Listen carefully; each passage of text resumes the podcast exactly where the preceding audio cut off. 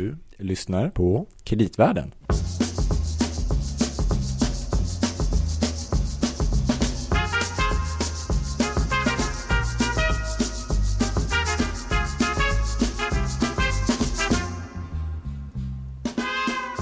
Gabriel, där är du ju. Hej Louie! Tjenare. Ja, fortsatt... Eh, Trots social distansering så pratas vi vid ibland. ja, precis. Eh, och då gör vi ju det framför allt för att kunna spela in den här podcasten som heter Kreditvärlden. Exakt. Och det var ju, det, jag vet inte om alla var liksom våra vanliga lyssnare lyssnade på förra avsnittet, för det var ju lite speciellt att Mm. vi faktiskt körde det inte så här via podden, utan via bland annat Facebook, eller hur? Med Roger. exakt. exakt. Vi testade att prata lite grann om aktuella frågor med möjligheten att ställa frågor för alla er som lyssnar och resonera lite med Roger Josefsson som är en återkommande gäst. Men den här gången är det mer som vanligt. Eh, och även ett, så att säga, ett tema, ett ämne som är ganska bekant för många av poddens lyssnare, eller hur? Mm. Rekonstruktioner och krisande företag, det är ju någonting som vi har pratat om då och då. Och nu känns ju det här ämnet, kanske tyvärr ska man säga, men känns mer aktuellt än någonsin. Det sker ju ganska mycket på rekonstruktionssidan och det är många bolag som har det ganska jobbigt just nu med Mm. covid-19 och allting. Så för att få en liten känsla för läget och också lära oss lite mer av själva rekonstruktionsprocessen så har vi ju en gäst med oss idag. Just det, precis. Kristoffer Stålbröst, välkommen. Tack så jättemycket. Kul att vara här. Du är också med på länk så att säga. Det stämmer. Allt i allmänhetens intresse av att minska smittspridningen. Du jobbar ju på EY eh, som, eh, och är partner där eh, i transaktionsteamet, eller hur? Stämmer det? Ja, det är alldeles riktigt. Eh, Jag ansvarar eh, på nordisk basis för det som vi kallar corporate finance och där i ingår eh, M&A, värdering och eh, restructuring och det är framförallt restructuring som är på tapeten idag och det är kanske det som jag ägnar min eh, största delen av min vardag åt till också. Vad är, vad är det ni gör för någonting när, när det säger restructuring som rådgivare? Vad är, vad är det man gör för någonting? Ja, vi är eh, 25 personer i Norden som arbetar både med formella och informella eh, omstruktureringssituationer och egentligen eh, Eh, problemföretag eh, eller problemtransaktioner där vi antingen hjälper eh, kreditgivare, aktieägare eller ledningsgrupper i att försöka reda ut de, de problemen som man står inför. Och de kan vara finansiella, de kan vara operationella eller de kan vara strategiska. Men hur förhåller det sig om man tänker till exempel advokat? Vi har ju pratat eh, Johan Häger från Rocher i den här podden tidigare och vi har ju eh, Eh, vi har ju täta kopplingar till en bank för den här podden. Hur förhåller sig det ni gör till de andra del, parterna som är liksom involverade i eh, varför går man inte bara till sin advokatbyrå? Vad är det, det ni gör? Liksom, med de här? Nej, vi jobbar oftast eh, väldigt nära och tätt tillsammans med även eh, juridiska då, rådgivare i de här transaktionerna. Eh, Och eh, vi har eh, väl kopplingen till den finansiella delen av, eh, av rådgivningen och eh, kanske att försöka Eh, hitta en, en transaktion till syvende och sist. Så det finns ett, ett legalt spår eh, som naturligtvis är väldigt relevant men det finns även ett finansiellt spår då, som eh, oftast behöver täckas.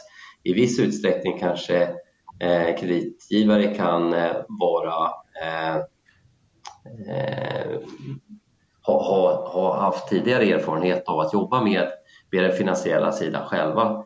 Eh, men framförallt när det är väldigt stora intressentgrupperingar, stora kreditgivargrupperingar så eh, finns det oftast också behov då för att ha en finansiell rådgivare också som kan försöka ena kollektivet eh, så att man kommer framåt i transaktionen. Och hur, hur, om, när ni då kommer in i ett bolag som har problem, hur, hur, brukar, hur, ser, hur kan en typisk situation se ut då i bolaget? Hur, hur långt har man kommit? Hur akut är, är situationen och sånt där?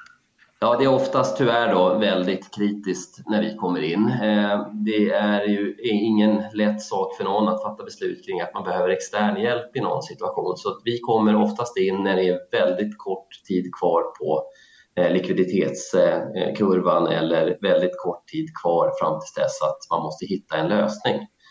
Eh, och det, det, jobb som vi typiskt sett gör initialt det är att försöka få en, en övergripande bild av situationen men också att försöka sträcka på den här tidsfristen lite grann. Eh, så i, i, i, kanske de huvuddelen av de, de case där vi kommer in, då, då, finns det två veckor med likviditet kvar i ett bolag eller det är två veckor kvar tills man måste gå ut i marknaden och rapportera ett kovenantbrott eller en en, eh, en större eh, nedskrivning eller, eller någonting liknande som kan då påverka bolagets förmåga att överleva ganska så drastiskt. Och, det är egentligen det som vi jobbar mest med. Det är någon form av brandkårsutryckning egentligen. Det är snabba ryck. Alltså, vad, gör ni liksom, vad är det första ni gör? Är det att skapa en, en, en, en överblick av liksom, bolagets finansiella ställning och vad som är mest akut att ta tag i? Eller vad är, som, vad är, det, vad är det första ni gör? Ja, eh, vi, vi brukar då iscensätta, eh, först ska jag säga vi jobbar i väldigt små teams då när vi kommer in i de här situationerna. Eh, men det är små men ganska seniora eh, teams där eh, vi lanserar kanske tre eller fyra olika arbetsströmmar direkt. Och en av de första och absolut viktigaste sakerna det är att få koll på hur likviditeten ser ut. Det är oftast det som är det huvudsakliga problemet. Det är en räntebetalning som kommer framgent eller det kan vara en amortering som man inte kan möta eller det kan vara en hyresbetalning som, som blir svår att passera eller någonting liknande som gör att bolaget på ett eller annat sätt eh, förmodligen hamnar på obestånd och på ett sådant obestånd som man inte kan eh, lösgöra sig från. Så det, det, ja, förlåt. Nej, jag bara undrar, hur, vad är det för alternativ som står till buds då? För att det kanske, jag tänker, eh, de som lyssnar på podden, man skulle vara intressant att veta vad, vad, vad, kan, vad kan man välja mellan som ett företag? Vi sa ju det här med rekonstruktion till exempel. Det kanske kan förklara lite hur, hur det fungerar. För att, sen kan det väl bli konkurs och det kan bli andra saker. Hur, vad, vad, finns det liksom för alternativ här i de här lägena då? Ja, vi brukar ju försöka lyfta på varenda liten sten som finns tillgänglig för att titta på alla möjliga olika lösningar och varianter och det gäller eh, såväl då den eh, kanske lite mer formella, det som du pratar om nu, att gå rättsligt tillvägs för att hitta en lösning. Mm. Antingen via ett rekonstruktionsförfarande eller ett konkursförfarande eller det andra alternativet då att hitta en lösning på en informell eh, basis med diverse olika eh, intressentgrupperingar. Och det, det, kan som jag säger då vara eh, kanske relaterat till en, till en bond, det kan vara relaterat till en eh, bankkredit eller det kan vara relaterat till en hyra eller någonting liknande som förfaller.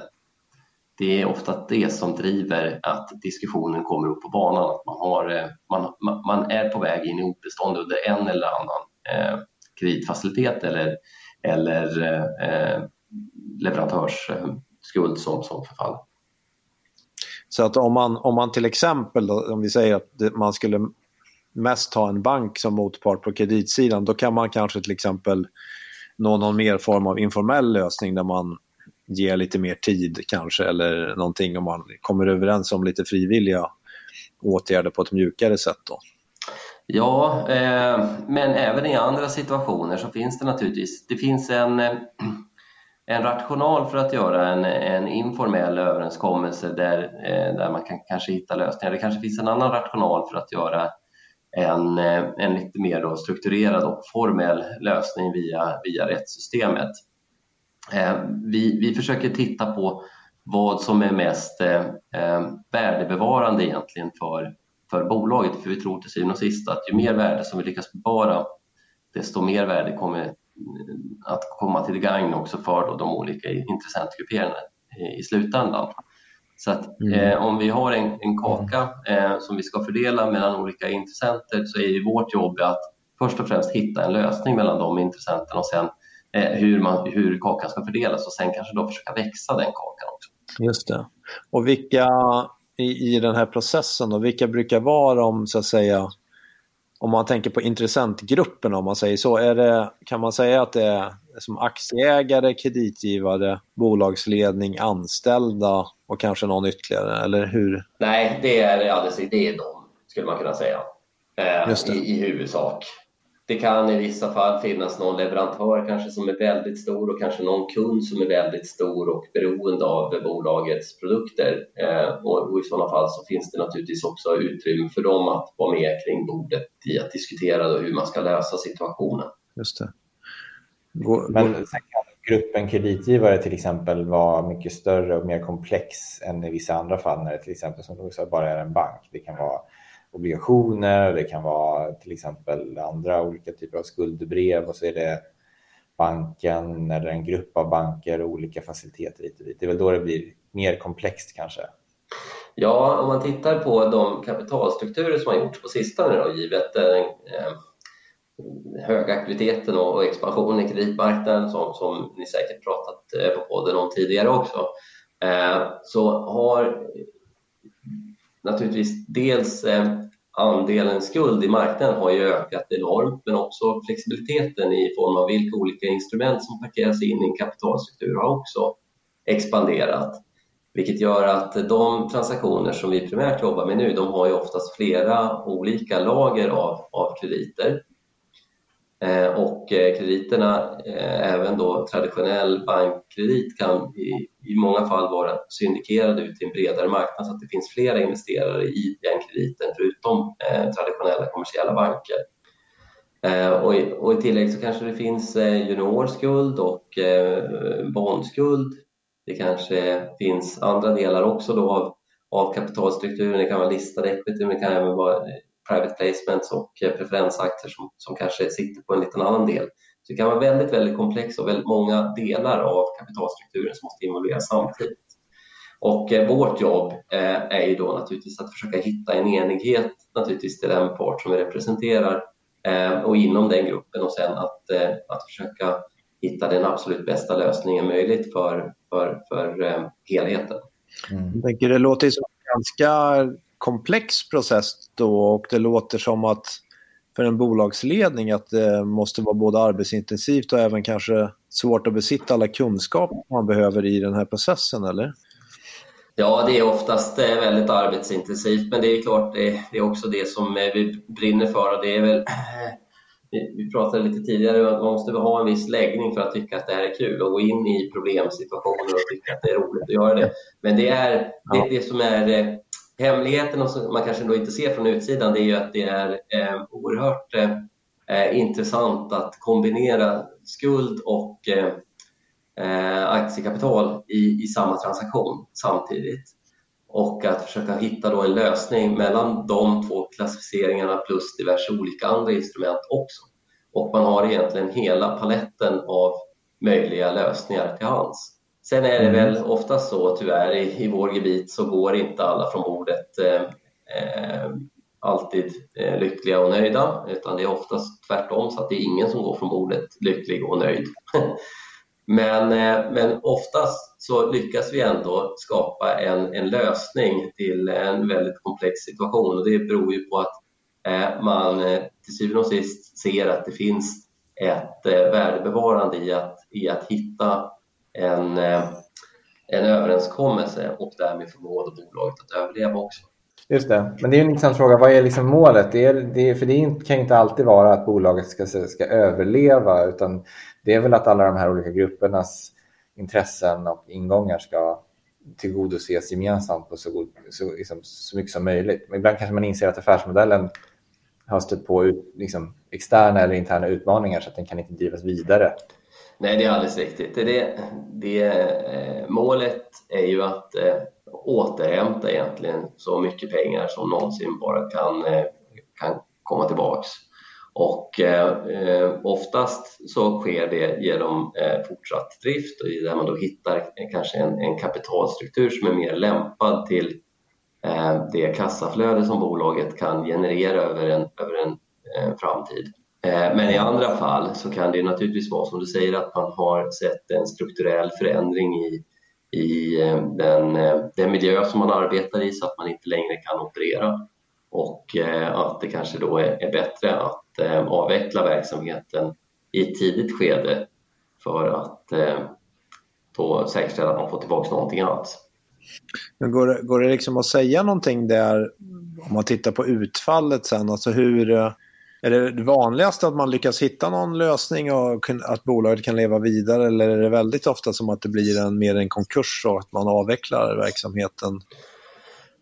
Ja, det är, eh, jag skulle säga att det vanligaste är att vi hittar en lösning. Sen eh, kan ju då problemen eh, fortgå tyvärr och vi har sett exempel i, ja, om vi tar oil and gas-marknaden till exempel i, i, på norska socken och, eh, och även bredare så var väl egentligen den, eh, den bredare synen att det skulle ske en vändning i marknaden från den väldigt djupa dyket i oljepriset då 2014 framåt.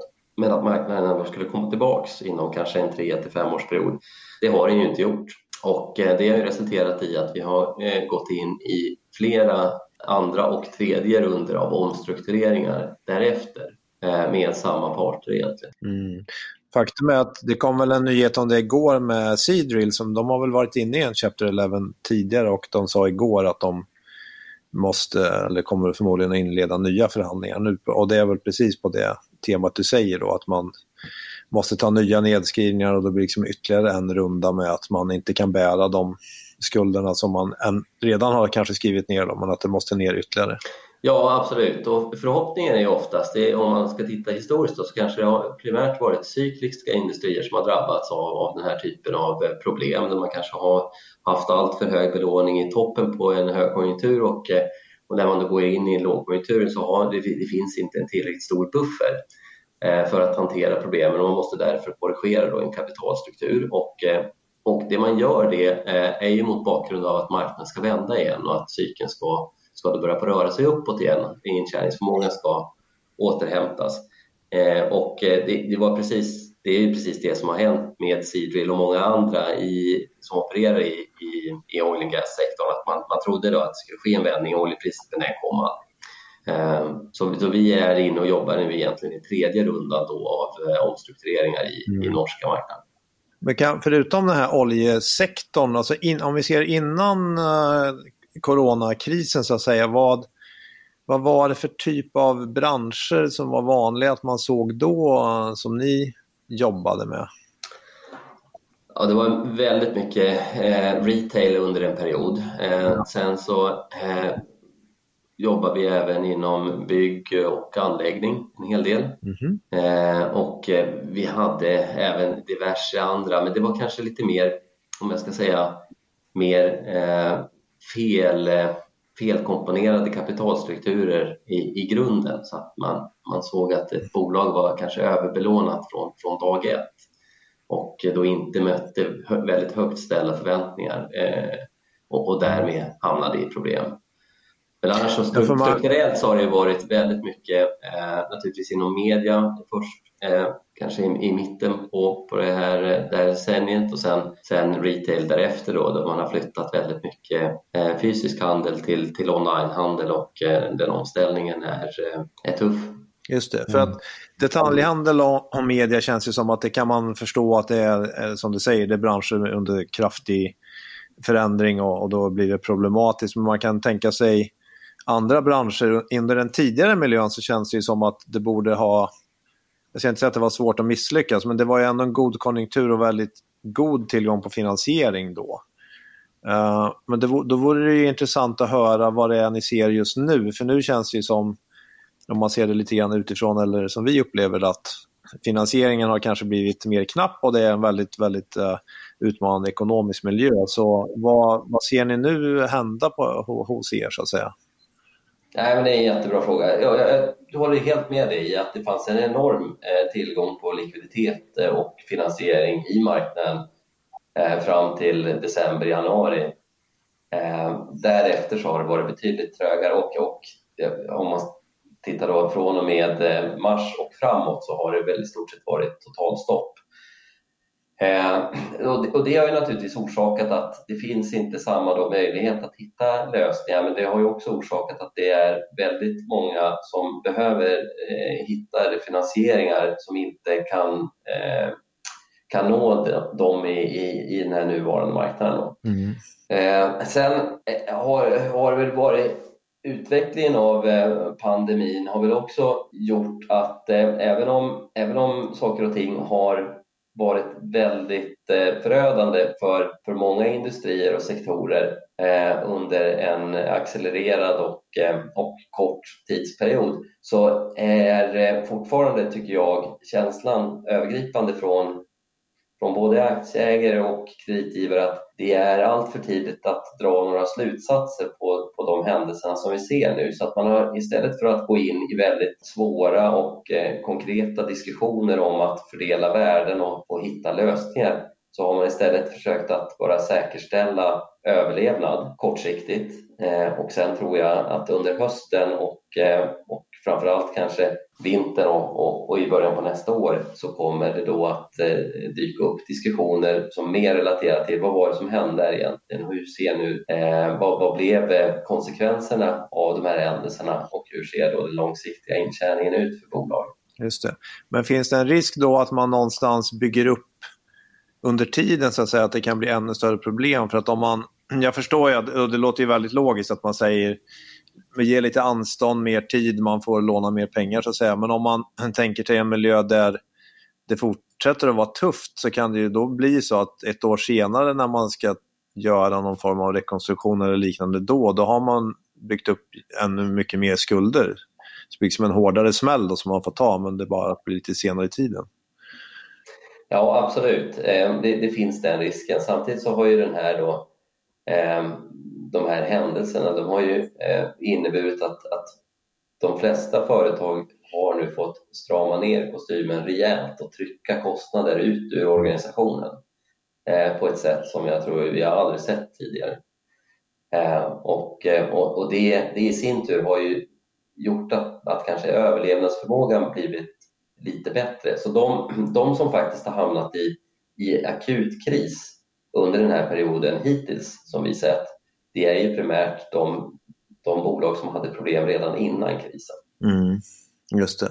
Och den här, då har krisen liksom triggat att nu, nu håller det inte längre utan då måste man göra någonting. Ja, men det är klart att man bygger upp nya skulder. Man bygger upp skulder till staten i form av eh, eh subventionerad eh, eller skattelättnader och, eh, och eh, eh, även till viss del då eh, personal kostnader och sådana saker som, som kommer att komma eh, och naturligtvis vara en, en diskussionspunkt om, om ett år ungefär skulle jag kunna tro. Mm.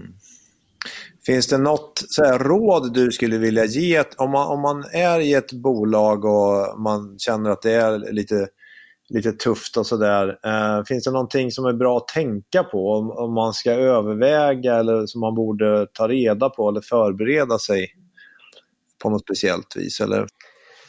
Ja, det är eh, det, det som är problemet är att när det här eh, inträffar, när det blir, uppstår sådana här situationer, då är ju oftast en ledningsgrupp enormt eh, eh påverkade redan av att försöka managera den övergripande verksamheten. Så att det, det eh, jobb som de behöver lägga ner både på då att managera en daglig verksamhet som inte går riktigt lika bra, som är turbulent och det är oftast kris i organisationen den tidsåtgången är betydande. Om man i tillägg till det behöver också föra eh, diskussioner och förhandlingar eh, med intressentgrupperingar, aktieägare, styrelser, eh, kreditgivare så blir situationen oftast väldigt, väldigt svår och ibland ohanterbar. Så att även om det går att förbereda sig till viss del så tror jag att det, det man, man bör som som eh, eh, finansiär eller som eh, aktieägare, som styrelse i de här situationerna tänka på det att man inte sätter allt för högt tryck på ledningsgruppen för de, de, eh, de har oftast eh, haft en väldigt tung arbetsbörda redan för att försöka vända trenden. De ska nu hantera personal, de ska hantera informationsflöden och de ska göra otaliga analyser. Om man är tillräckligt till det ålägger dem också att de ska driva förhandlingar och driva processer så blir det, det blir oftast för mycket.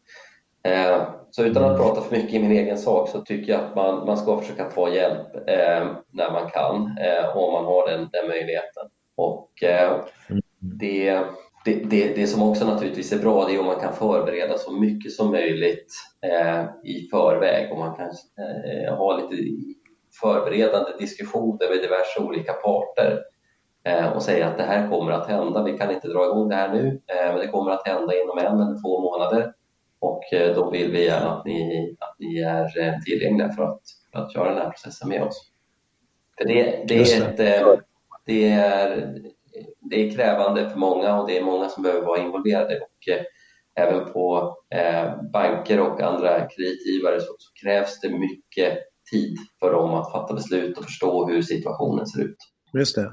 Det finns det någonting där eh, hos banker eller om man tänker hyresvärdar? Eller, eh, någonting som de bör tänka på om, om man hamnar, har någon motpart som har problem och så där som kan underlätta i den här processen på något vis? Som, eh... Det som är jobbigt är att man ofta som kreditgivare har, det finns en eh, informationsasymmetri där eh, equity och eh, och bolag sitter oftast på väldigt, väldigt mycket mer information än vad en kreditgivare eller en fastighetsägare har. Och eh, det, eh, för att då försöka likställa det så, så, behöver det här informationspaketet komma ut. Och det behöver vara i ett format så att alla kan lita på det. Eh, så att det är väl det som man kan, om man ser att det börjar på att vara problem och man känner att man får kanske lite knapphändig information Eh, så kan man, kan man ta höjd för det. Man kan gå på en, en bolagsledning eller en styrelse och säga åt dem att vi kommer att behöva mer information givet att det ser ut så här nu. Och då är det den här typen av information som vi behöver. Så att de kan förbereda lite grann för det. Det, det brukar underlätta. Mm. Det är ju på något sätt en mycket, det kanske är ett ämne för en helt egen podd, men eh, jag menar det, det som du precis har pratat om är och nämnde lite grann men de bolag som har haft hög belåningsgrad har ju liksom även innan den här liksom akuta krisen eh, varit överrepresenterade bland de bolag som ni jobbar med av förklarliga skäl. Men det här vad som är rätt, eh, rätt eh, eh, finansieringsstruktur och belåningsgrad och sådär är väl någonting som man kanske kommer att prata mer om.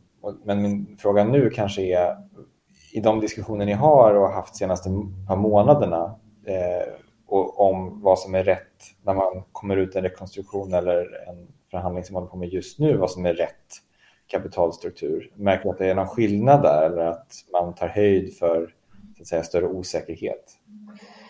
Eh, nej, inte egentligen, men jag tror jag bara besvarade halvt en, en, tidigare fråga kring hur situationen ser ut idag och hur det aktuella läget är. Och det, då är det ju så att krediter har ju blivit väldigt mycket dyrare på kort tid.